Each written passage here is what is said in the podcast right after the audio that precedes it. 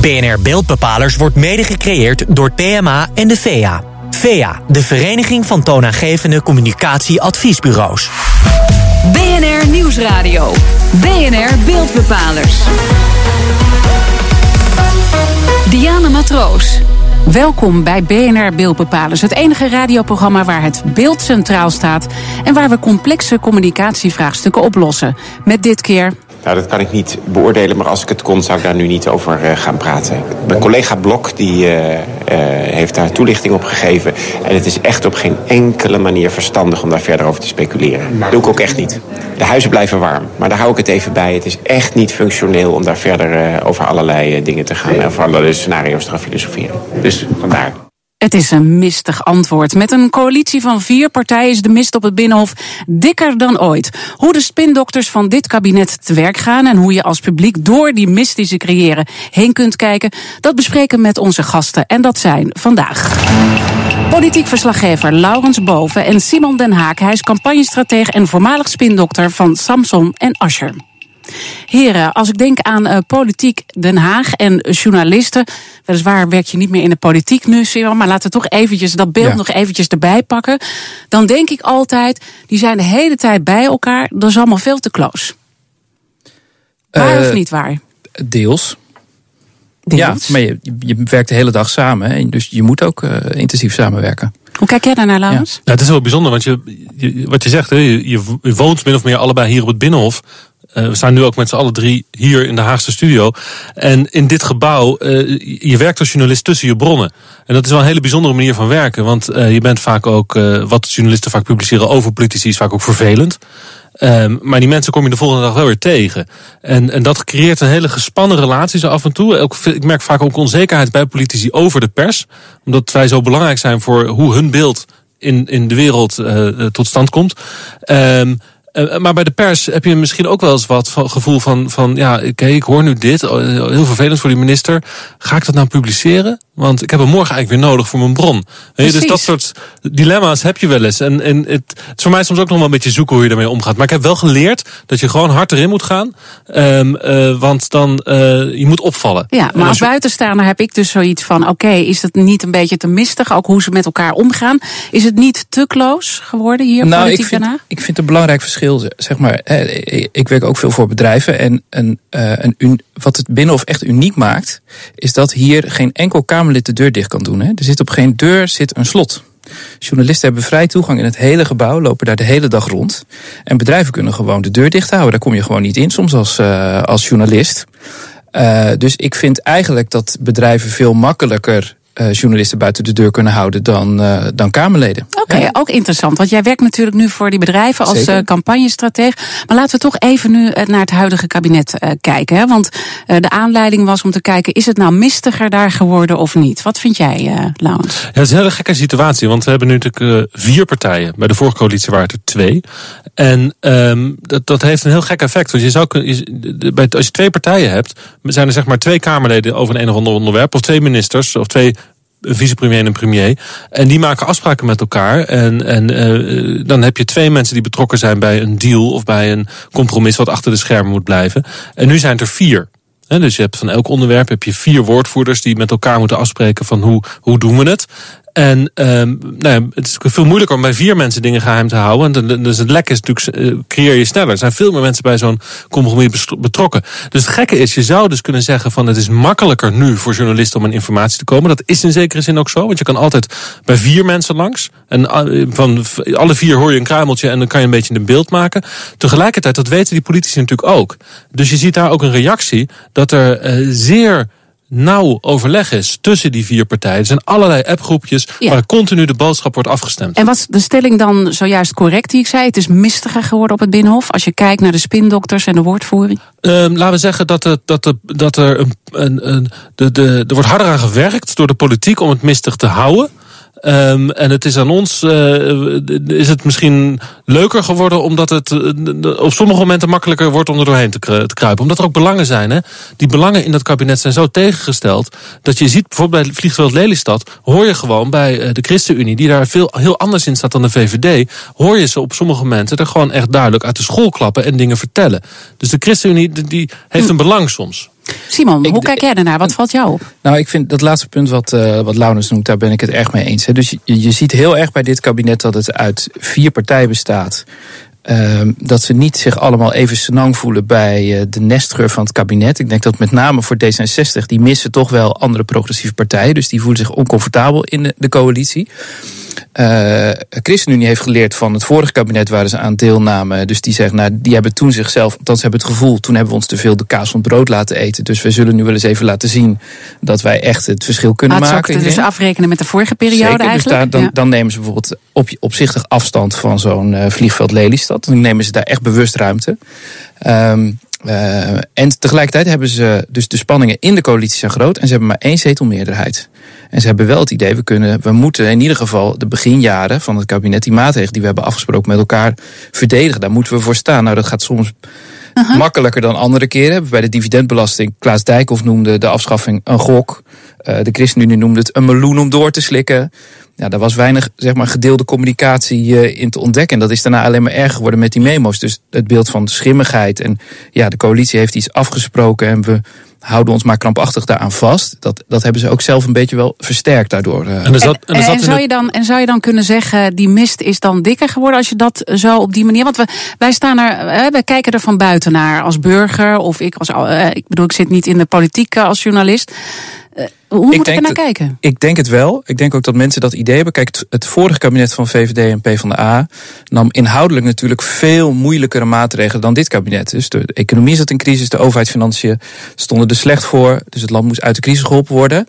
Maar er was wel een groot onderling, ja, men was wel op elkaar aangewezen. Dus Max van Wezel uh, noemde dat vorige week zomaar vrienden tegen wil en dank. Dus er was wel vrij groot onderling vertrouwen in de kabinetsploeg en ook tussen die fracties. En nu zie je dat ze ook toch wat meer naar elkaar zitten te loeren. Mm -hmm. Komt ons belang wel goed naar voren? Moeten we hier nog wat bijsturen of niet? De VVD laat een ballonnetje op over Schiphol. Uh, D66 kiest dan ook weer een speerpunt. Uh, uh, ChristenUnie doet dat. VVD afgelopen vrijdag op dat congres. Dus ze ze hebben het idee waarschijnlijk van... god, de vorige keer, als we kijken hoe het met die partij is afgelopen... die zijn te veel samen gaan werken, VVD en PvdA, hun eigen profiel verloren. We moeten nu onze eigen kleur wat meer benadrukken. Dus het is eigenlijk meer, zijn ze met hun identiteit bezig, denk hoor ik wel. zeggen. En ik denk dat dat ook weer de spanning vergroot intern in de coalitie. Oké, okay, interessant. Uh, het, het, gaat er natuurlijk om dat je toch als spindokter of als woordvoerder... dat je de waarheid uh, spreekt. Zou je toch kunnen zeggen dat er meer gelogen wordt nu? Uh, ja, er wordt wel heel erg naar de belangen van de eigen partij geredeneerd. Of je dat liegen moet noemen. Er is zo'n uh, norm hier op het Binnenhof dat je inderdaad als woordvoerder niet glashard hoort te liegen. Omdat dat natuurlijk ook de eigen positie van de woordvoerder schaadt. Dan een journalist die vraagt iets en, en is aantoonbaar onjuist. Nou, dan weet je de volgende keer, ik maak mezelf onbruikbaar voor journalisten. En zet mezelf in feite buiten spel. Dus als een journalist hier naar een woordvoerder toe gaat en die heeft een, een of ander ding onthuld. Uh, dan zal die journalist of de woordvoerder gewoon het in feite wel bevestigen. Alleen, um, er wordt natuurlijk wel heel erg op de details gelet. En er is een heel mooi verhaal uit de formatie... dat een collega van de NOS... die had op een bepaald moment een of ander plan... uit de formatietafel boven water gekregen. En toen ging ze die woordvoerders allemaal langs. En die woordvoerders zeiden van nee, je zit ernaast klopt niet wat je hebt ge gebracht. Nou, ze hebben het toch gebracht. En later, na de formatie, bleek dat ze er inderdaad naast zat. Maar ze zat er een tiende naast van een procent. Het was ja. achter de komma klopte ja. het cijfer niet. Ja. Weet je? En dan, dan uh, ja, dat, dat, dat, als je het hebt over mist. Dat is dan wel zo'n moment van, van mist creëren. Dat er dus, maar dan, dan doen ze dat dus met z'n vieren. Dus aan hun kant zit er een hele duidelijke afstemming om die mist dus te creëren. He, want je kan ook, een van die woordvoerders die zal vast wel bij zichzelf hebben gedacht, nou het klopt wel min of meer, dus laat ik het maar bevestigen. Maar dan spreken ze dus met elkaar af om dat dus niet te doen. En dan zie je dus wel een, een maar dat hm. moet gecoördineerd. Het, en Zonder het is coördinatie. van het weglaten hè, soms. Dus je hoeft niet te liegen, maar als je gewoon één ja. deel vertelt en een heel groot ander belangrijk deel niet vertelt, dan is het niet liegen, maar dan. Ja, maar dat, laat moet, je dat, werkt dus, dat werkt dus alleen omdat ze met z'n vieren zijn, vier partijen, werkt het alleen als je dat coördineert met z'n vieren. En dat doen ze, want ze hebben zelfs appgroepjes hè, daarvoor. Ah, is- uh, ja. Ze gaan ook mee Ja. uh, met de tijd. Ik, denk niet, Simon? ik, je kunt dat op korte termijn kun je dat een tijdje volhouden, maar het is voor de lange termijn geen recept voor succes. Waarom? Omdat uiteindelijk eerlijk duurt toch het langst. Dan hoef je het minst eh, te onthouden. Je kunt gewoon uh, proberen het eens met de waarheid.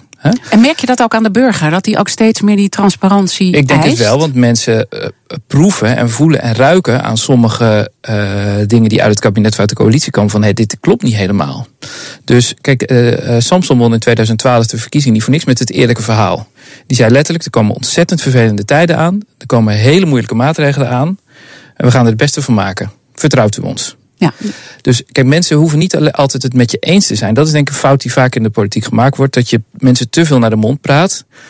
En ik vind het, een van de mooiste voorbeelden vind ik uh, Obama in 2012, toen hij zijn herverkiezingscampagne begon, was het eerste spotje. Lieten allemaal mensen kwamen daarin aan het woord waarom ze nu zich weer voor Obama wilden inzetten na vier jaar.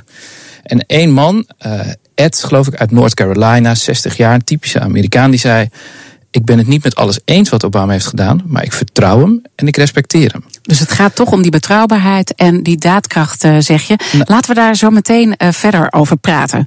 Want straks de dunne lijn tussen de rust in het land bewaren en in het openbaar durven te twijfelen.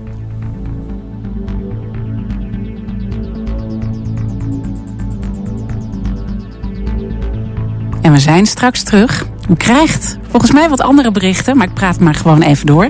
Want volgens mij ben ik nog uh, bij u op de zender. We gaan het dus straks.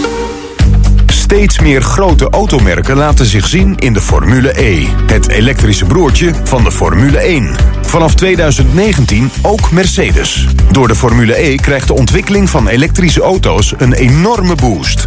Hoe? Dat lees je op fd.nl slash Mercedes Next. En de winner is...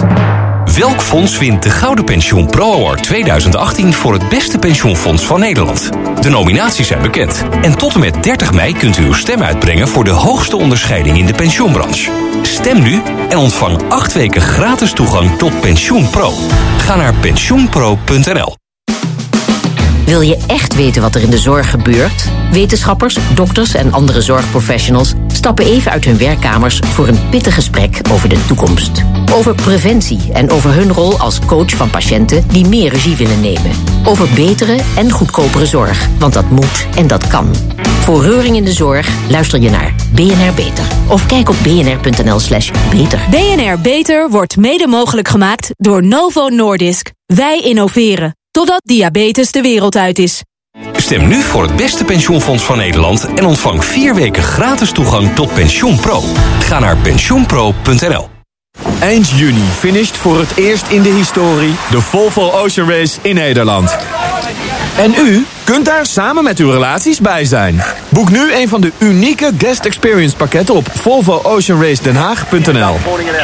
De Volvo Ocean Race Finish Den Haag. The ultimate destination. BNR Nieuwsradio. BNR Beeldbepalers. Welkom terug bij BNR Beeldbepalers. Dit keer nemen we een kijkje achter de mist op het Binnenhof. En dat doen we met onze gasten, politiek verslaggever Laurens Boven en campagnestrateg Simon Den Haak. Uh, Simon, ik uh, zei eerder al bij de aankondiging van de uitzending dat je woordvoerder bent geweest voor Team Samson toen er 38 zetels werden gewonnen. En in 2017 campagneleider en woordvoerder van Lodewijk Asscher. Tijdens die verkiezingen leed de Partij van de Arbeid een historisch verlies van 29 zetels. Hoe zet je zoiets op je cv als woordvoerder? Nou, dat ik daar gewoon in de campagneleiding heb gezeten en woordvoerder was van Ascher.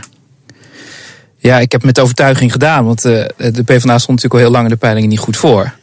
Uh, en dat werd in de campagne hebben we dat niet om kunnen keren. Dus ik heb alles gegeven, maar ja, het team waar ik in speelde won die keer niet de wedstrijd. Het staat er dus in ieder geval uh, op. Zeker. Ik ga daar ook nooit voor weglopen. Want uh, ik heb me ja, met hart en ziel voor ingezet. Maar het, het was ons niet gegund. Maar ik neem aan ook dat je er vragen over krijgt op het moment dat je samenwerkt met bedrijven. Van vertel nou eens eventjes, want misschien twijfelen we toch nog even of we dit wel moeten doen. Ja, ja als mensen aan mij twijfelen, dan moeten ze niet met mij in zee gaan. Nee, dus dan zeg je gewoon meteen, daar ga ik überhaupt niet over hebben. Nee, Kijk, mijn, uh, dus ik vind als, als woordvoerder, dat geldt eigenlijk in Den Haag als je woordvoerder bent van, van een bewindspersoon of van een politicus. En dat geldt ook als je bedrijven over communicatie adviseert. Uh, het is vaak, zeker voor mensen aan de top, heel kwetsbaar en heel persoonlijk. Ze staan onder grote druk, krijgen veel kritiek. Dus je moet een enorme vertrouwensband hebben met adviseurs. En als mensen daaraan twijfelen, ja, dan, dan is ook mijn advies niet heel effectief. Dus uh, ik geef zelf alles en ik speel open kaart. En, en als mensen daarvoor openstaan en dat vertrouwen geven, ja, dan, dan, dan help ik ze heel graag. Maar ik kan me dus wel voorstellen dat je er vragen over krijgt, zoals je die nu ook uh, van mij krijgt. Wat heb je zelf geleerd van die periode? Want het was zo heftig. Hè? Bij Samsung waren de successen, daar refereerde je net ook al eerder even aan. En hier ging het gewoon gloeiend de mist in. Ja. Nou, de, de, de stemming in het land zat niet mee. De, uh, de organisatie van de leiderschapsverkiezing bij van PvdA zat niet mee. De organisatie van de campagne zat niet mee. Dus er zijn allerlei dingen die niet goed waren. Maar als ik daar op dat moment een beter antwoord op had gehad, dan hadden we misschien meer zetels kunnen halen. Dus ja, ik had op dat moment ook niet uh, de oplossing. Maar reflecterend kan je natuurlijk wel een betere oplossing ja. voor ogen hebben. Wat, wat zou je anders hebben gedaan? Nou, die hou ik nog even voor me tot de volgende campagne. Want dan kom je weer terug. ja, wat, wat uh, jij misschien? Ik bedoel, jij kijkt er ook naar. Uh, jullie kennen elkaar best wel goed van het Binnenhof. Is er iets wat jou is opgevallen dat je denkt van dat had anders gekund? Daar kan je als spindokter, woordvoerder gewoon van leren van dit soort situaties? Nou, ik, wat mij wel uh, opviel in eigenlijk dat is meer de periode voordat uh, de laatste periode van het vorige kabinet. Mm -hmm. um, uh, toen de peilingen natuurlijk al heel lang uh, heel laag waren. En de, de, verkiezingen kwamen er natuurlijk aan.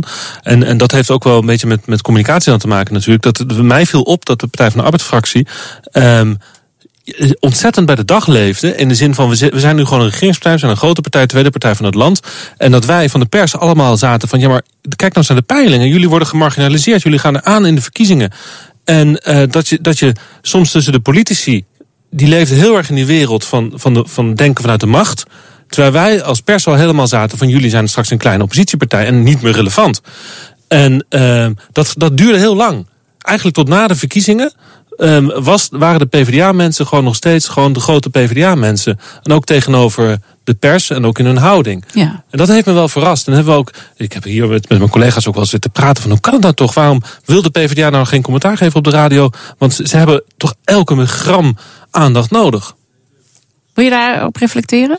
Ja, ik was in die laatste periode, zeg maar voor de verkiezingen, was ik natuurlijk. Uh, toen werkte ik niet hier bij de fractie. Hè? Dus toen uh, ik ben in 2014 uh, weggegaan. Um, maar ik denk dat de, de, de, de spanning die er het vorige kabinet, in ieder geval de, of het effect wat die, die spanningen, die moeilijke maatregelen en die economische crisis op de PvdA had, was enerzijds heel erg de wil om verantwoordelijkheid te nemen voor het land en moeilijke maatregelen te nemen, omdat vanuit de overtuiging dat dat nodig was. En tegelijkertijd toch ook dat men, ja, mensen realiseerden zich ook wel dat het niet de goede kant op ging in de peilingen natuurlijk. Um, uh, maar er is toen niet tijdig, ja, die, die leiderschapsverkiezing die kwam ook heel laat. En dan had natuurlijk eerder had daar iets moeten gebeuren. Ja, dat is ja. misschien terugkijkend, uh, misschien Zeker. de grootste fout geweest, de timing van die leiderschapswissel. Uh, ja, dat is een van de oorzaken, denk ik wel, ja. Een van de oorzaken. Uh, laten we het even wat uh, breder trekken. Want laatst kwam een bericht van RTO over gelekte communicatieaanbevelingen aan het kabinet door haar ambtenaren. En daar heeft Michel van Bouw, hij is woordvoerder en communicatieadviseur bij de TU Delft, weer op gereageerd. En hij zegt, dat sluit ook wel een beetje aan wat jij eerder, denk ik, zei, Simon. Ik krijg gaandeweg steeds meer het gevoel dat de huidige Haagse woordvoerderscultuur geen goed idee is. Die leidt volgens mij tot risicomijnende communicatie in dienst van partijbelangen en een kil bureaucratisch beeld van de overheid. Het is volgens hem een van de oorzaken van het dalend publiek vertrouwen. En het erge is, en daar kom ik een punt wat jij eerder aanhaalde, is dat erop lijkt dat die aanpak steeds meer het nieuwe normaal wordt, ook buiten Den Haag. Dus hij maakt zich zorgen dat die controlecultuur zich verspreidt naar andere sectoren. En jij zei net dat eigenlijk bedrijven nog meer mist kunnen creëren. Uh, nou, die kunnen, die kunnen wat makkelijker nee zeggen tegen journalisten, omdat ze de deur dicht kunnen houden. Hè. Dus Kamerleden kunnen nooit zeggen, die, die lopen de hele dag tussen de journalisten uh, door.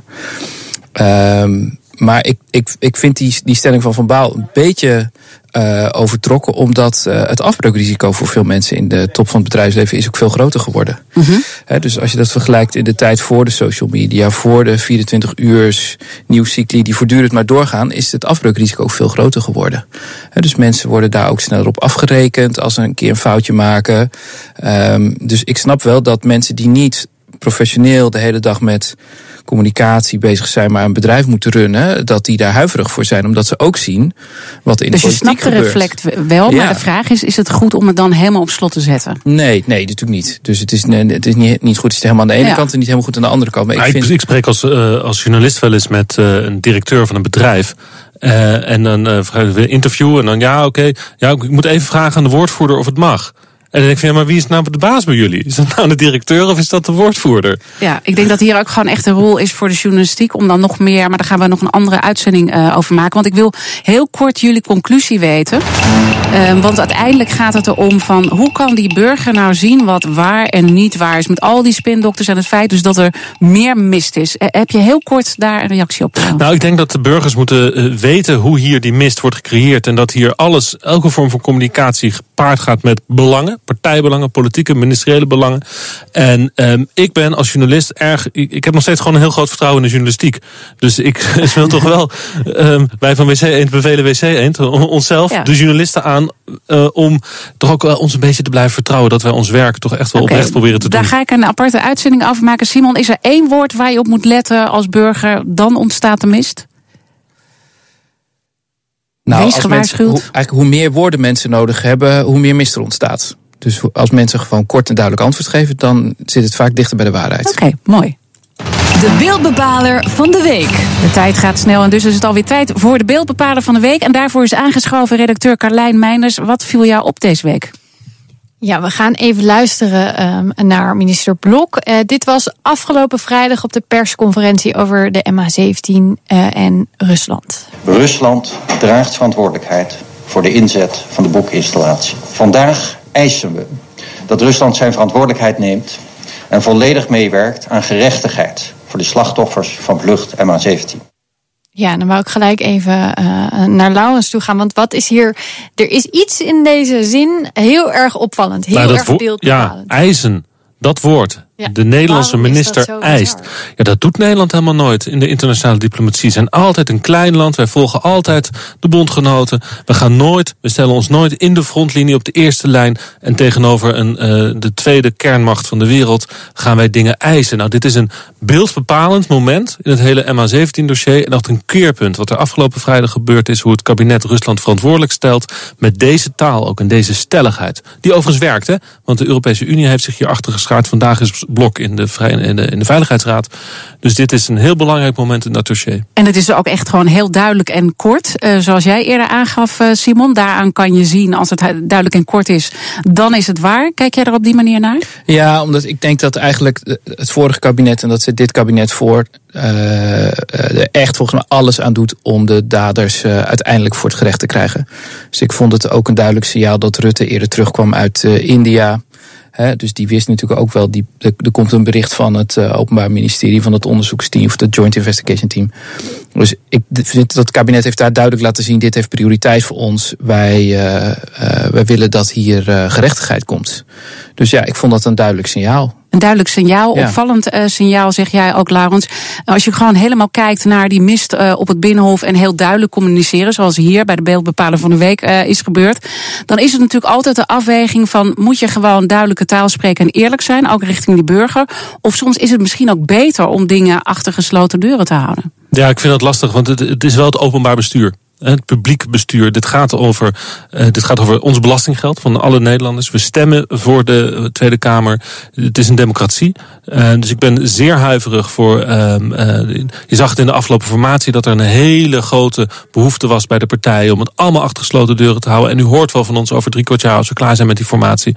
En ik vind dat de hond in de pot van de democratie. Want er komen dan plannen uit, daar is een meerderheid voor. En in feite, als je niet uitkijkt, reduceer je het debat in de Tweede Kamer in het land tot een een soort uh, um, uh, verplicht nummer. En niet meer het werkelijk politieke debat. En dat heb je achter gesloten deuren gedaan in de stadhouderskamer. En ik vind dat eigenlijk voor een, een democratie. Heel kort, want ik dreig een beetje goed. uit de tijd te lopen. Nou ja, dan krijg ik, ik op mijn donder. Ik, ik, moet toch ook mijn vakgenoten nog even verdedigen. Want ik vond bijvoorbeeld het advies van de, van de, de, de RVD en de directeur communicatie van de ministeries pas geleden aan het kabinet. over hoe te communiceren in deze tijd. vond ik heel goed. En een van de beste dingen daarin vond ik het advies om vaker ook over dilemma's te praten als politicus. Dus ik denk dat mensen hebben, snappen dat er moeilijke keuzes gemaakt moeten worden door politici en bewindspersonen bewindspersonen. Maar laat ook zien welke afweging je erbij maakt. Welke voor- en nadelen aan zitten. En ik denk dat dat bijdraagt aan meer begrip, ook voor moeilijke hm. keuzes. Ik ben helemaal voor. Ik vind dat eh, burgers gewoon recht hebben op antwoord op de vragen. En dat politici wel wat meer openheid van zaken kunnen geven. Ik wil jullie hartelijk danken. Ik dank Carlijn Meijners. Ik dank mijn gasten, politiek verslaggever Laurens Boven en Simon Den Haak. Hij is campagnestratege en voormalig spindokter van Samson en Ascher. Mijn naam is Diana Matroos. Dit was BNR Beeldbepalers. Terugluisteren kan via de site, de apps, iTunes of Spotify. tot volgende week. BNR Beeldbepalers wordt mede gecreëerd door de VEA en PMA. PMA, Platform Media Adviesbureau.